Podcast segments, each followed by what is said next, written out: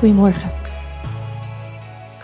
Eh, de afgelopen weken hebben jullie, ehm, als je hier vaker bent, al iets meegekregen over wat ons jaarthema is en waar we op dit moment mee bezig zijn. Voor mensen die hier voor het eerst zijn, neem ik jullie even mee. We zijn bezig met een jaarthema wat hier achter ons op de banner, of achter mij op de banner staat. Maar u bent een uitverkoren geslacht, een koninkrijk van priesters, een heilige natie, een volk dat zich, een volk dat God zich verworven heeft om de grote daden te verkondigen van Hem, die u uit de duisternis heeft geroepen naar zijn wonderbaarlijk licht. En we zijn op dit moment bezig met een serie die gaat over priesterschap. En ook vanmorgen wil ik daar met jullie samen met Alfons in verder gaan. De afgelopen weken hebben we ons gefocust op hoe een priester zijn aanbidding kan inrichten. Deze en volgende week willen we bezig zijn met wat betekent priesterschap en gebed. En vandaag willen we kijken naar het Onze Vader. En waarom doen we dat nou met z'n tweeën? Omdat we in de voorbereiding ook het idee hadden, twee perspectieven op een gebed, wat we allemaal waarschijnlijk kennen, kan alleen maar meerwaarde bieden. Dus vandaar dat we het met z'n tweeën doen. We hebben het er niet over gehad, we hebben allebei geluisterd naar God en gekeken wat God op ons hart legde. En um, ik begin en Alfons neemt het straks van mij over.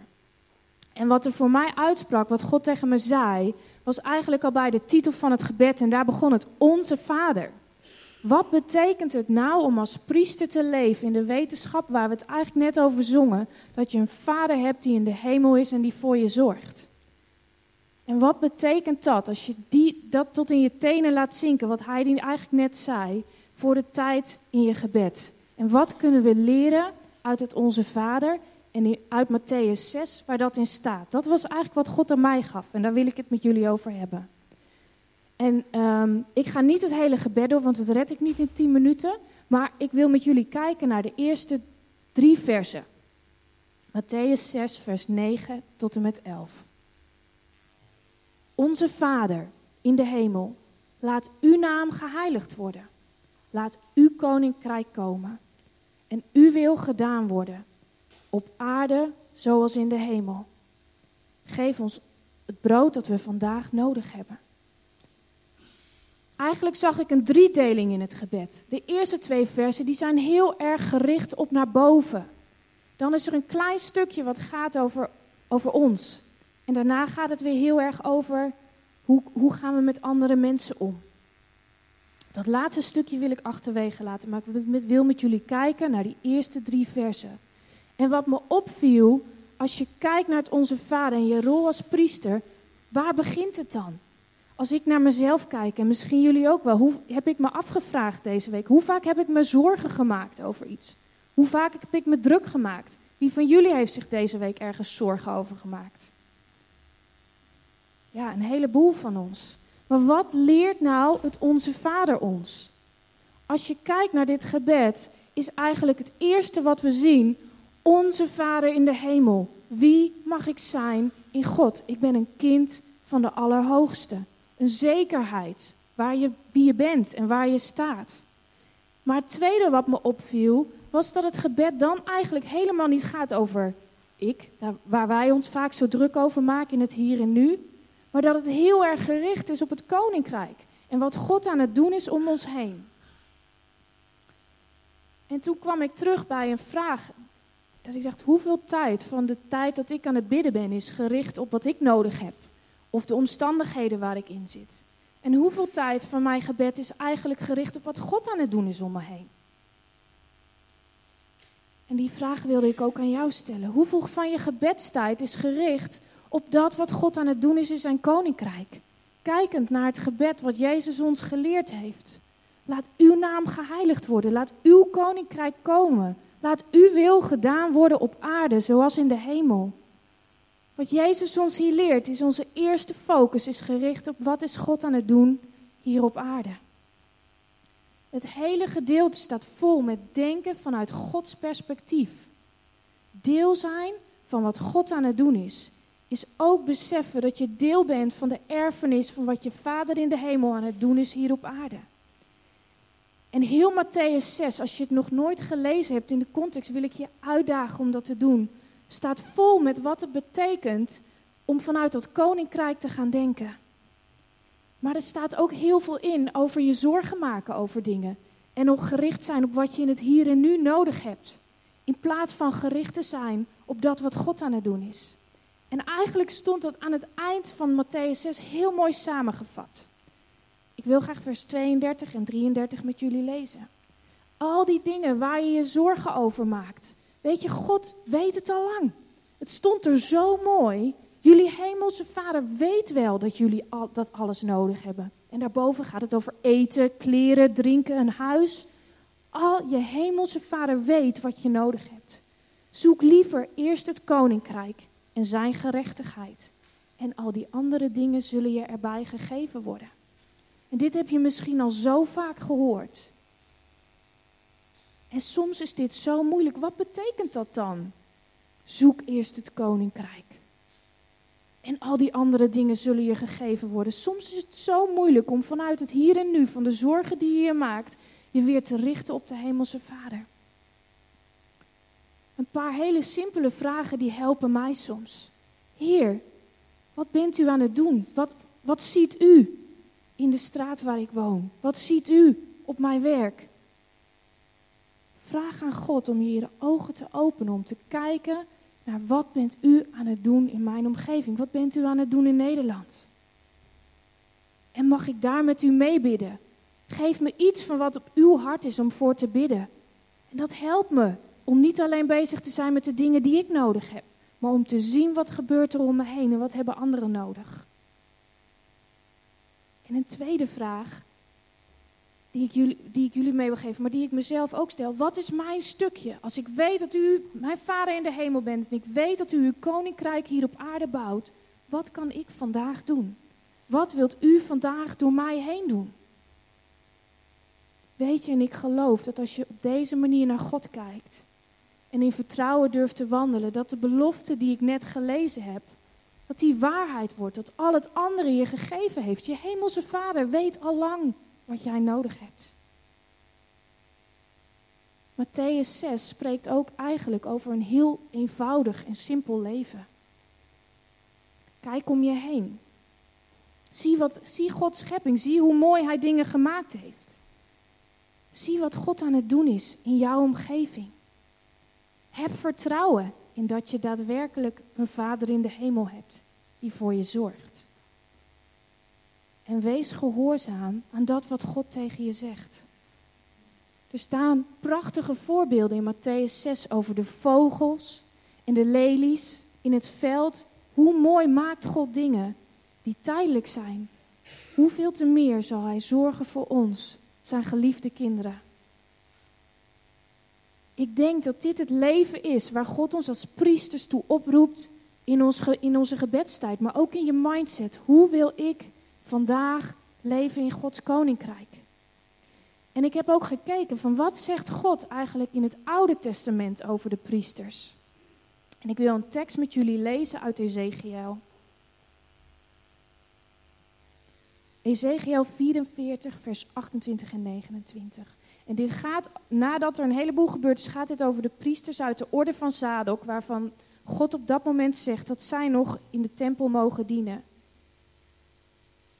En dit gaat dus over de priesters. Wat hun grondgebied betreft, ik zelf zal hun grondgebied zijn. Eigen grond mogen jullie hun in Israël niet geven. Ik zelf zal hun grond zijn. Ze mogen de graanoffers, reinigingsoffers en hersteloffers eten.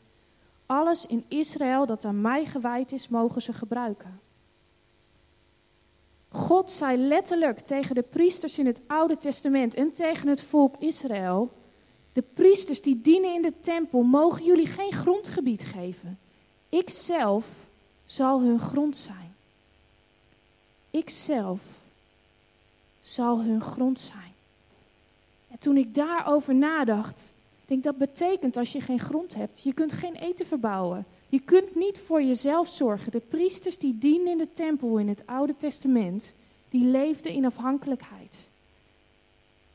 Alles wat aan Israël gewijd is, mogen ze gebruiken in mijn naam. God liet ook aan de priesters in het Oude Testament heel duidelijk zien: ik zorg voor jullie. Jullie zijn mijn erfgenamen. Je mag delen in dat wat van mij is. En de priesters die focusten zich vervolgens op het volk. Ze waren bezig om het volk te dienen en om het volk in verbinding te brengen met de Hemelse Vader. En God gebood zelfs het volk om het beste deel van wat ze hadden aan de priesters te geven. Zo goed werd er voor de priesters in het Oude Testament gezorgd. Maar voor hun betekende het een leven in afhankelijkheid. Priesterschap is volgens mij, als je kijkt naar het Onze Vader en bidden, weten wie je bent. Gefocust zijn op anderen. En weten dat er voor je gezorgd zal worden. Priesterschap is volgens mij niet iets waar we denk ik allemaal nog heel veel last van hebben. Je zorgen maken. Dingen zelf willen oplossen. En weet je, iemand legde mij toen wij in de tijd dat wij in Hongkong waren uit wat het betekent als je ehm, heel druk bent om dingen zelf te regelen. En ik denk wij als Nederlanders zijn heel erg gewend om je eigen zaakjes op te lossen. Maar iemand spiegelde me dat en die zei eigenlijk denk je als een wees. Hoe jij nu handelt, ga je ervan uit dat er geen vader is in de hemel die voor jou zal zorgen. Je wil dingen zelf oplossen, zelf regelen, zelf organiseren. Heb je er wel eens over nagedacht dat je je dan eigenlijk als een wees gedraagt? Nou, daar had ik eigenlijk nog nooit over nagedacht. Die kwam heel diep binnen. Wat betekent het om tot in je tenen te snappen dat je een vader hebt in de hemel die voor je zorgt? Om je als zijn kind te gedragen en om vervolgens te vertrouwen dat hij ook daadwerkelijk voor je gaat zorgen. En om dan niet te denken dat je hem nog even moet helpen door je eigen dingen wel te regelen. Te gaan voor wat je zelf nodig hebt. Eigenlijk wil ik, wil ik je vragen om na te denken over waar je staat als priester. Lukt het je om je gebedstijd in te richten, gefocust te zijn op wat God aan het doen is door jou heen? Of heb je net als ik soms nog last van weesgericht denken, dat je je eigenlijk vergeet om eerst te kijken naar wat je vader wil doen door jou heen en dat je zelf weer aan het rennen slaat? Wil je je uitstrekken naar leven in het perspectief van de Vader.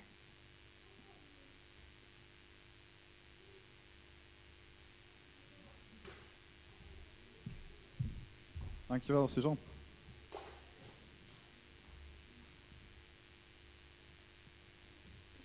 is altijd interessant als je met z'n tweeën een preek doet. Ook weer een uitdaging. Maar ik merk wel dat het heel erg aansluit wat God op mij sprak en wat God de Suzanne heeft gesproken.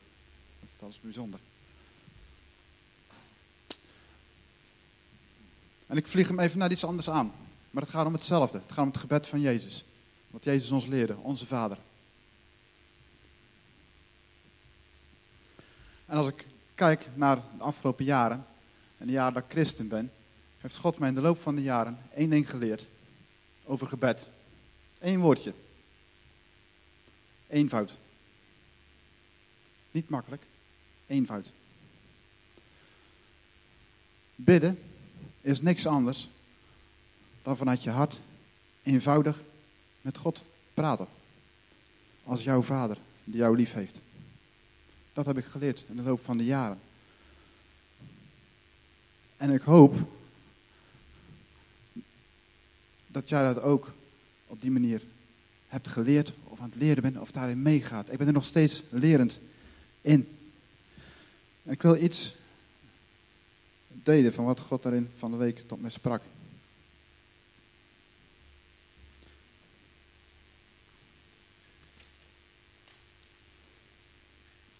Als je kijkt naar Onze Vader, dan komt het ergens uit voort. Jezus was hier op aarde met zijn discipelen. En toen uh, was hij op een gegeven moment aan het bidden. En toen zei een van die leerlingen, zei tegen hem, want er gebeurde schijnbaar van alles. Ik denk dat die, dat die leerling dacht van, wauw, wat gebeurt hier? Dat hij zei van, Heer, leer mij bidden. En Jezus antwoordt met het Onze Vader. Dat is met een heel eenvoudig gebed. Wat we allemaal wel kennen. Maar hij heeft dat niet gegeven als, als harnas. Wat ik geleerd heb in de loop der jaren, is dat hij het meer geleerd heeft als een soort van blauwdruk. Dus je mag eigenlijk gewoon in de gebeden die je bidt, kan je, het onze vader gebruiken als blauwdruk, als soort van liniaal.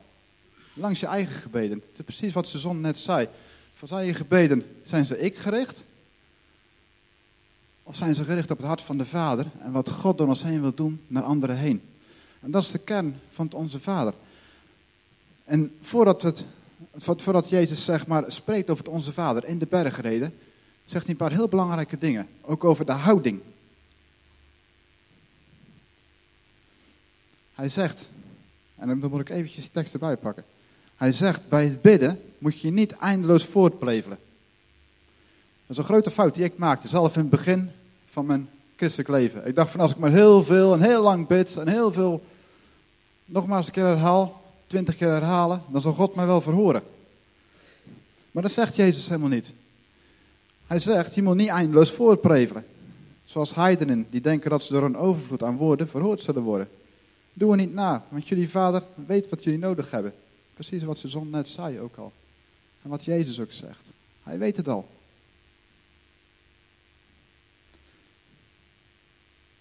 En God zegt nog meer, hij zegt heel simpel. Hij zegt, als je bidt, zoek dan gewoon even de rust op. Dan strek je even terug, duw die deur dicht, doe even misschien, uh, weet ik veel, de gordijnen dicht. Weet je, en neem even tijd voor intimiteit met mij. Dat is trouwens één vorm van bidden. Je hebt honderdduizend manieren van bidden. Maar het is goed om deze ook te doen. Gewoon even afzonderen. En wat er goed is om te doen, om gewoon vanuit je hart te bidden. Dus gewoon, wat heb je nodig vandaag? Wat voor zorgen heb je? Wat voor dromen heb je? Wat je ook kan bidden is, Heer, wat wilt u door mij heen doen naar anderen vandaag? En we zien aan Jezus dat hij regelmatig, ondanks de drukte die er omheen was, want Jezus genas iemand, hij genas iemand van huidvraat. Dat zie je in de Bijbel gebeuren vlak voor het onze vader. Hij genas iemand van huidvraat. Of in ieder geval op, op, op, vlak voor Lucas 5, vers 16. En daarna staat, hij trok zich geregeld terug op eenzame plek om te bidden. Dus de mensen kwamen in stromen naar hem toe. Ze kwamen voor genezing, ze kwamen voor bevrijding. Maar wat Jezus deed is regelmatig even terug naar een eenzame plek om er te bidden. Lucas 5, vers 16. En het resultaat was Lucas 5, vers 17. De kracht van de Heer was werkzaam in hem, omdat hij zieken zou genezen. En waar kwam die kracht vandaan? Van zijn hemelse vader. Van zijn hemelse vader. En daarna zie je dat het weer doorgaat. Want daarna zie je in, in Lucas zie je dat er mannen, een aantal vrienden, een verlamde naar Jezus brengen. En dat Jezus in eerste instantie zegt van je zonden zijn vergeven. Hij wordt er vervolgens op aangevallen door de fariseeërs. Die zeggen, hoe kan jij zeggen tegen die man dat de zonden zijn vergeven? Dan zei Jezus, wel eens makkelijker iemand de zonde vergeven. Of iemand uit, uh, laten opstaan en, laat, en genezen van verlamden. En hij genast die verlamden. Dat kwam allemaal, die autoriteit, vanuit de intimiteit met de Vader. Dus hij trok zich geregeld terug. En ik denk dat Jezus dat leert om ons, aan ons om dat hetzelfde te doen. En Suzanne, die, die pakte net het eerste stukje van Onze Vader. En ik wil eigenlijk, want we kunnen heel veel praten over gebed. Ik wil eigenlijk, zou ik gewoon willen gaan bidden. Als jullie dat goed vinden. Misschien is het goed om gewoon even te gaan staan.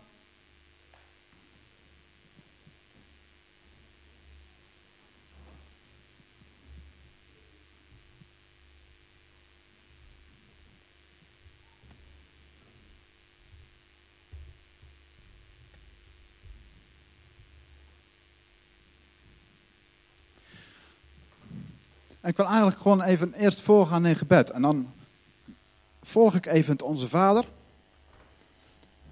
En dan komen we straks op een punt. En dat was een woord wat God heel erg voor mezelf op mijn hart legde. En wat, wat hij zei, van breng dat deze week in Connect Kerk. Want even in mijn eigen leven was het ook een, een key, zeg maar, om verder te komen. Maar het gaat over vergeving. En dan komt terug in het Onze Vader. Dus laten we gewoon beginnen. Begin gewoon met bidden. Je mag je ogen sluiten, mag je zelf weten hoe je doet. Onze Vader in de hemel. Laat uw naam geheiligd worden. Laat uw koninkrijk komen en uw wil gedaan worden op aarde zoals in de hemel. En geef ons vandaag het brood dat we nodig hebben. Een Heilige Geest, ga uw gang. Ga uw gang op dit moment. En u weet wat we nodig hebben. Een Heilige Geest, ga uw gang.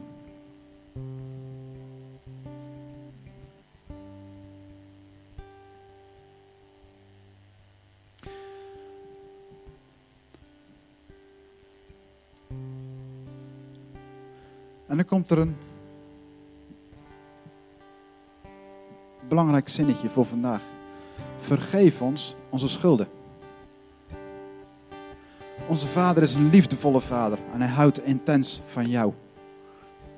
En hij wil niks liever dan dat je vrijkomt van hetgeen wat je vasthoudt. En de sleutel erin is het zinnetje: vergeef ons onze schulden. En Heilige Geest, laat zien aan de mensen. Laat ons zien waar vergeving nodig is. En misschien kun je het voor jezelf, dat hoef je niet hardop te doen, maar voor jezelf benoemen. En uitspreken vanmorgen voor jezelf. Naar God de Vader. Van Heer, vergeef mij en vul maar in.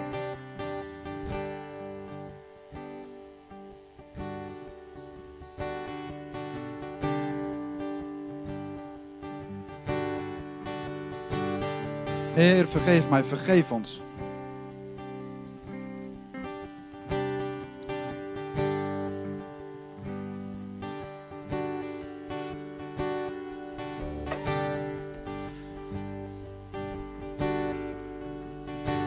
En er is nog een tweede stap.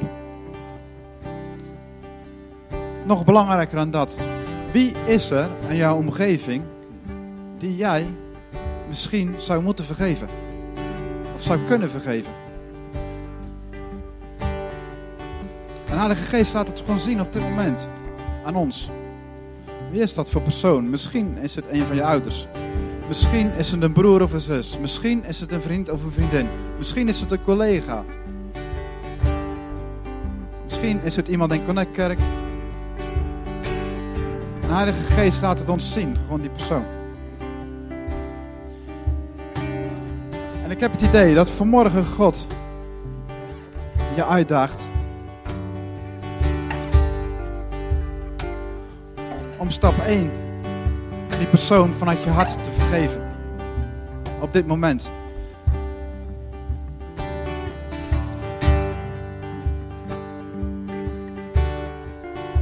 Heer, help ons te vergeven, die ander.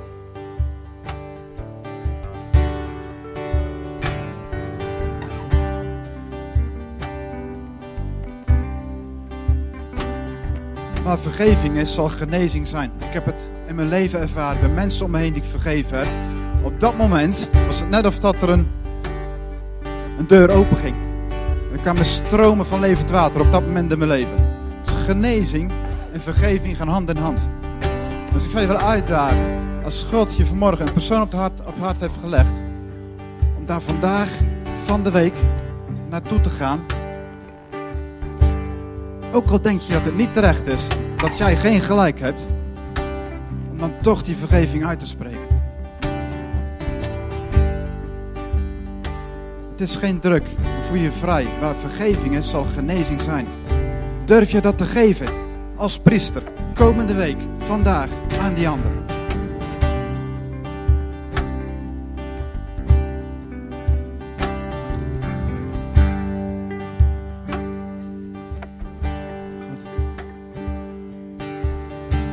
Wil ik graag afsluiten. En misschien is het goed.